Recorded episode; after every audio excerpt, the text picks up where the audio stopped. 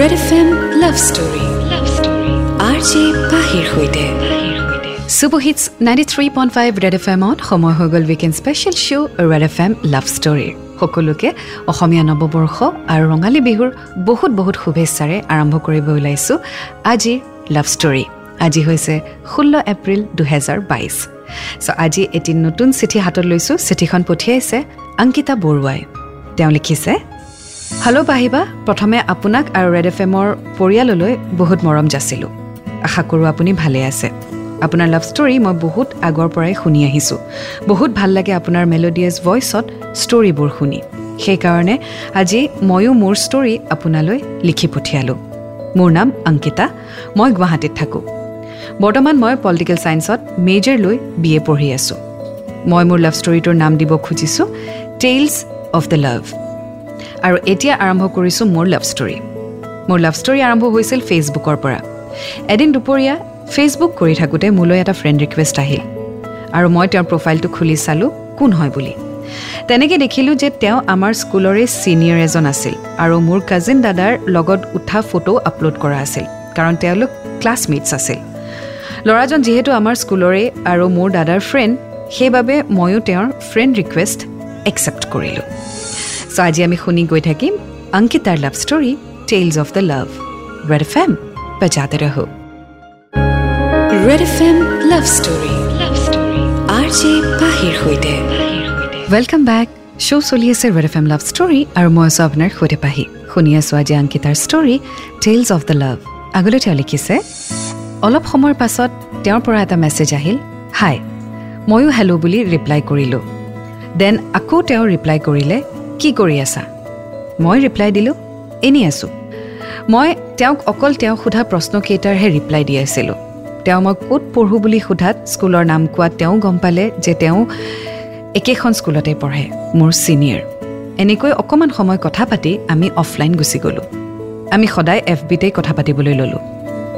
এদিন তেওঁ মোক সুধিলে can we exchange our WhatsApp number মই তেতিয়া ভাবিলোঁ যিহেতু তেওঁ চিনাকিয়েই হয় ছিনিয়ৰো হয় প্লাছ মোৰ কাজিন দাদাৰ বেটছমেটেই হয় চ' নম্বৰটো দি দিওঁ। চ' মই মোৰ নম্বৰটো তেওঁৰ সৈতে শ্বেয়াৰ কৰিলোঁ। মোৰ নম্বৰটো দিয়াৰ পিছত আমি হোৱাটছএপত কথা পতা আৰম্ভ কৰিলোঁ। চ' আগলৈ কি হয় জানিবলৈ অকণমান অপেক্ষা কৰক এণ্ড ৰেড এফ এম ভেজাত ৰহো। Red F M love story love story R J পাহিৰ সৈতে। Super hits ninety three point five red F এমত মই আছোঁ আপোনাৰ সৈতে পাহি। শুনি আছে আপুনি weekend special show' red F M love story আজি শুনি আছোঁ টেইলছ অফ দ্য লাভ অংকিতাৰ ষ্টৰী আহক আগবাঢ়ো আজি ষ্টৰীলৈ আগলৈ লিখিছে আমি এক বছৰ ফ্ৰেণ্ডছ হৈ থাকিলোঁ। ফ্ৰেণ্ডৰ দৰেই কথা পাতিলোঁ। আৰু এই ফ্ৰেণ্ডশ্বিপত থাকোঁতেই তেওঁ মোৰ ক্ৰাছ হৈ পৰিল। বাট মই তেওঁক একো কোৱা নাছিলোঁ। ফ্ৰেণ্ডছৰ দৰেই কথা পাতিছিলোঁ। এনেদৰে আমাৰ ফ্ৰেণ্ডশ্বিপৰ বণ্ডটো বহুখিনি ষ্ট্ৰং হৈ গ'ল। আমি ডেইলি হোৱাটছএপত টেক্সট কৰিছিলোঁ। ফোনত হ'লে এদিনো কথা পাতি পোৱা নাছিলোঁ। তেওঁৰ লগত সকলো শ্বেয়াৰ কৰিছিলোঁ। ভাল বেয়া চব। লাহে লাহে তেওঁৰ প্ৰতি ফিলিংছ আহিব ধৰিলে। তেওঁ কিন্তু কথাটো গম পাইছিল আৰু তেওঁ মোক লাইক কৰিব ধৰিছিল। তেওঁক মই ফাৰ্ষ্ট দেখা পাইছিলোঁ ফেঞ্চি বজাৰৰ ফুল গলিত যেতিয়া মই বাছ ষ্টপত মোৰ ফ্ৰেণ্ডছৰ বাবে ৰৈ আছিলোঁ। তেওঁ মোক মেছেজ কৰি কৈছিল বাছ ষ্টপত ৰখিবা কাৰণ তেওঁ সেইফালেদিয়ে কলেজ যাব। তেওঁ কে চি দাস কমাৰ্চ কলেজত পঢ়িছিল আৰু মই তেতিয়া এইচ এছত আছিলোঁ। অলপ টাইম ৰখাৰ পাছত তেওঁ আহি পালে আৰু আমি পাঁচ মিনিট নৰ্মেলি কথা পাতি গুচি আহিলোঁ। কলেজ ষ্টাৰ্ট হোৱাৰ সময় হৈছিল চ' সেইবাবে। মোৰ লগত মোৰ এইচ এছ ফ্ৰেণ্ড লীনা আছিল আৰু মই তাইক লগ পোৱাৰ পাছত কিবা ফূৰ্তিতে হাঁহি আছিলোঁ ব্লাছো কৰি আছিলোঁ। সেইবাবে তাই মোক সেইদিনা খুব জোকাইছিল। সেই দিনটো তেনেকৈয়ে পাৰ হ'ল। চ' যদিও অংকিতা আৰু সেই ল'ৰাজনৰ মাজত ফিলিংছ গ্ৰ' হৈছে বাট ইজনে সিজনক কিন্তু এক্সপ্ৰেছ কৰা নাই। A small attraction has developed in them so' আগলৈ কি হয় জানিবলৈ অপেক্ষা কৰক এণ্ড ৰেড এফ এম বজাতে ৰহো। Red F M love story love story R J পাহিৰ সৈতে। Welcome back to the show' red F M love story মই আছোঁ আপোনাৰ সৈতে পাহি শুনি আছোঁ আজি অংকিতাৰ story tales of the love আগলৈ তেওঁ লিখিছে তেওঁক কেতিয়াবা কলেজ যাওঁতে লগ পাইছিলোঁ আৰু তেওঁক সেই পাঁচ মিনিট লগ কৰিয়ে বহুত ভাল লাগিছিল। এক বুজাব নোৱাৰা অনুভৱ। এদিন আমি দীপৰ বিলৰ পিনে ফুৰিবলৈ গৈছিলোঁ। এক প্ৰকাৰ ডেট বুলিয়েই ক'ব পাৰি। কিন্তু আমি তেতিয়াও ফ্ৰেণ্ডছ হৈ আছিলোঁ ৰিলেশ্যনশ্বিপত অহা নাছিলোঁ। আমি সেইদিনা বহুত কথা পাতিলোঁ আৰু আবেলি পৰত ঘৰমুৱা হৈছিলোঁ। দিনটোনো কেনেকৈ পাৰ হৈ গ'ল তেওঁৰ লগত একো গমেই নাপালোঁ। সেই দিনটো মনত পৰিলে আজিও কিবা এটা ভাল লাগি যায়। ল'ৰাজন লাজকুৰীয়া আছিল। শান্ত আৰু ভদ্ৰ। পিছে মোৰো লাজ কম নহয়। চ' অংকিতা আৰু ল'ৰাজনে ফুৰিবও গৈছে। অলদ' তেওঁলোকৰ ফিলিংছ ইজনৰ প্ৰতি আহিছে কিন্তু তথাপিও তেওঁলোকে এক্সপ্ৰেছ কৰা নাই। কেতিয়াবা এনেকুৱা হয় you fall short of words you want to say everything but যেন শব্দ আমি বিচাৰি নাপাওঁ। হয়নে?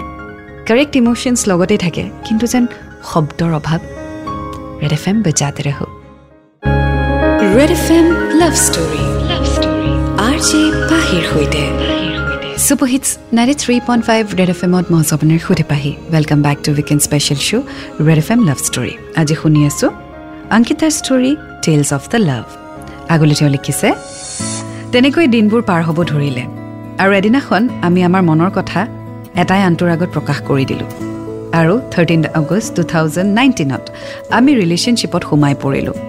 ৰিলেশ্যনশ্বিপত অহাৰ পৰাই আমি ফোনত কথা পতা হ'লোঁ। নহ'লেতো আমি আগতে ফোনত কথা পাতিয়ে পোৱা নাছিলোঁ। তেওঁৰ লগত কটোৱা সময়বোৰ বহুত মধুময় আছিল মোৰ বাবে। এটা বেলেগেই স্পাৰ্ক আছিল আমাৰ দুইজনৰ মাজত আৰু আমাৰ জৰিটো সকলোৱে পচন্দ কৰিছিল। তেওঁ বহুত হেল্পফুল হয়। মোক পঢ়া শুনাৰ ক্ষেত্ৰত বহুত হেল্প কৰিছিল। আৰু এতিয়াও মোৰ কলেজৰ কামত মোক বহুতখিনিয়ে হেল্প কৰে। কলেজৰ কাম হওক বা অন্য কিবা বেলেগ কাম তেওঁ সদায় মোৰ হেল্প কৰিছিল। তেওঁ বহুত ভাল। মই লিখি বুজাব নোৱাৰিম আৰু তেওঁৰ প্ৰতি থকা মোৰ ভালপোৱা অতুলনীয়। তেওঁৰ অবিহনে মোৰ জীৱন আধৰুৱা আৰু মোৰ অবিহনে তেওঁৰ জীৱন আধৰুৱা। আমি দুইজনে ইজনৰ সিজনৰ মনৰ কথা বুজিব পাৰিছিলোঁ। আমাৰ বণ্ডিংটো বহুত ভাল আছিল।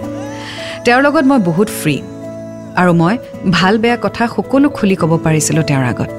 তেওঁ বহুত আণ্ডাৰষ্টেণ্ডিং হয়। মোৰ বহুত কথাই বুজি পায়। তেওঁৰ কথা ক'লে শেষ নহ'ব। এই জনম কি? মই সাতো জনম তেওঁৰে হৈ থাকিব বিচাৰোঁ। So' finally they got into a relationship and their bond is so' strong সেইটো আমি অংকিতাৰ কথাৰেই গম পাইছোঁ। চ' এই ষ্ট্ৰং বণ্ডৰ ৰিলেশ্যনশ্বিপটিৰ সৈতে আমি আগুৱাই গৈ থাকিম আজি লাভ ষ্টৰীত শুনি থাকক। বজাতে ৰহ red F M love story love story R J পাহিৰ সৈতে welcome back to the show' red F M love story মই আছোঁ আপোনাৰ সৈতে পাহি আজি শুনি আছোঁ love story অংকিতাৰ। Tales of the love so' আহক আগবাঢ়ো আজি ষ্টৰীৰ সৈতে। এবাৰ সৰস্বতী পূজাত তেওঁ মোক তেওঁৰ ঘৰলৈ লৈ গৈছিল। তেওঁৰ পৰিয়ালৰ সৈতে চিনাকি কৰাবলৈ। মই নাযাওঁ বুলি কৈছিলোঁ কিন্তু তেওঁ বহুত জোৰ কৰাত যাবলগীয়া হ'ল। তেওঁৰ ঘৰত মোৰ বহুত লাজ লাগিছিল। আৰু মই একো মুখেৰে মাতিব পৰা নাছিলোঁ। মাকে সুধিছিল মোৰ নাম মই ক'ত থাকোঁ আৰু কি পঢ়োঁ? মই তেওঁক সকলো ক'লোঁ। তেওঁৰ ঘৰত মোক ফ্ৰেণ্ড বুলিয়ে চিনাকি দিছিল কাৰণ এতিয়া আমাৰ সম্পৰ্কটোৰ কথা ঘৰত জনাব খোজা নাছিলোঁ। অলপ সময় তেওঁৰ ঘৰত থাকি তেওঁ মোক মোৰ ঘৰত ড্ৰপ কৰি থৈ গ'ল। এদিনাখন তাৰ ঘৰত আমাৰ দুটাৰ সম্পৰ্কৰ কথা গম পালে আৰু মাকে মোলৈ ফোন কৰি কথাটো সুধিলে। ময়ো তেওঁ যি সুধিলে তাৰে আনচাৰ দিলোঁ। তাৰপিছত তেনেকৈ অকণমান সময় আণ্টিৰ সৈতে কথা পাতি ফোনটো থ'লোঁ এনেদৰে তেওঁৰ ঘৰত সকলোৱে গম পালে। তেওঁৰ মা মোৰ লগত বহুত কম সময়তে ভালেখিনি ফ্ৰী হৈ গ'ল। মোলৈ আণ্টিয়ে ডেইলি ফোন কৰি খবৰ লৈছিল আৰু ময়ো ফোন কৰিছিলোঁ। এতিয়া ব্যস্ততা বঢ়াৰ কাৰণে ডেইলি কথা বতৰা নহ'লেও সপ্তাহত চাৰিদিনমান কথা হয়। আণ্টিয়ে মোৰ লগত চব শ্বেয়াৰ কৰে আৰু ময়ো ক'ব পৰা কথাবোৰ কওঁ। চ' ল'ৰাজনৰ ঘৰত ৰিলেশ্যনশ্বিপটো in a one way accept কৰিছে। আৰু তেওঁৰ মাকে আৰু অংকিতাই কথা পতাও ষ্টাৰ্ট কৰিছে। It is very important to grow' a friendship relation between your parents আৰু যেতিয়া ফ্ৰেণ্ডশ্বিপ গঢ়ি উঠে ন তেতিয়া আপুনি চব কথা শ্বেয়াৰ কৰিব পাৰে। সেয়া নিজৰ মা দেউতাই হওক বা আপোনাৰ হ'বলগীয়া মানুহজন বা মানুহজনীৰ মা দেউতাই হওক মানে in laws when there is a friendly bond তেতিয়া আপুনি চব কথা খুলি ক'ব পাৰে আৰু বুজিবলৈও সহজ হৈ যায়। তেওঁলোকৰ এক্সপেক্টেশ্যন আপোনাৰ এক্সপেক্টেশ্যন চ' আগুৱাই গৈ থাকিম আজি ষ্টৰীৰ সৈতে এণ্ড ৰেড এফ এম বেজাতে ৰহো। Red F M love story R J পাহিৰ সৈতে। Super hits ninety three point five red F এমত মই আপোনাৰ সৈতে Pahi and welcome back to the show' red F M love story আজি শুনি আছোঁ অংকিতাৰ story tales of the love আগলৈ তেওঁ লিখিছে এক জানুৱাৰী দুহেজাৰ একৈছ অৰ্থাৎ নিউ ইয়েৰৰ দিনা আমি মন্দিৰলৈ গৈছিলোঁ। মই তেওঁ তেওঁৰ মাক দেউতাক আৰু তেওঁৰ মোমায়েকৰ ছোৱালী।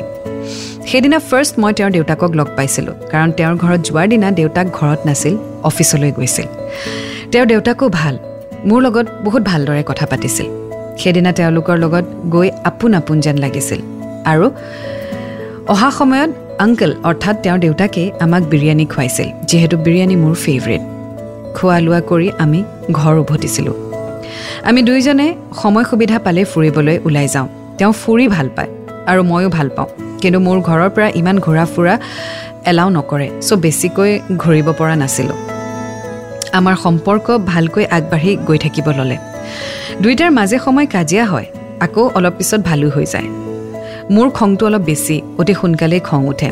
সেইবাবে কেতিয়াবা কেতিয়াবা তেওঁ মোক এংৰি বাৰ্ড বুলি জোকাইছিল। কাজিয়া লাগিলে প্ৰথমে তেওঁৱেই চৰি কয় ভুল যাৰেই নহওক কিয়? ময়ো নোকোৱা নহয় ময়ো কওঁ কিন্তু তেওঁ বেছিকৈ কয়। তেওঁ মোক খুব মৰম কৰে একদম টিকলা বাচ্চাৰ দৰে। আৰু এনেদৰে হাঁহি ধেমালিৰ মাজেৰে আমাৰ সম্পৰ্ক দুটা বছৰ অতিক্ৰম কৰিলে। So' congratulations Ankita. Your relationship is really really strong আৰু সেইটো জানি খুব বেছি ভাল লাগিল। চ' আশা কৰোঁ তোমালোকৰ লাভ এনেদৰে ষ্ট্ৰং হৈ আগুৱাই গৈ থাকে যেন। আৰু কিছু কথা লিখিছে চিঠিখনত পঢ়ি গৈ থাকিম। ষ্টেটিউ বেজাতে ৰহ। Red F M love story love story R J পাহিৰ সৈতে super hits ninety three point five red F এমত আপোনাৰ সৈতে পাহি। শুনি আছে আপুনি weekend special show' red F M love story আজি শুনি আছোঁ আমি অংকিতাৰ story tales of the love আগলৈ তেওঁ লিখিছে এতিয়ালৈ আমাৰ সম্পৰ্কৰ কথা মোৰ ঘৰত গম নাপায়। অকল তেওঁৰ ঘৰত গম পায়। লাহে ধীৰে ময়ো মোৰ ঘৰত আমাৰ ৰিলেশ্যনশ্বিপৰ কথা ক'ম বুলি ভাবিছোঁ।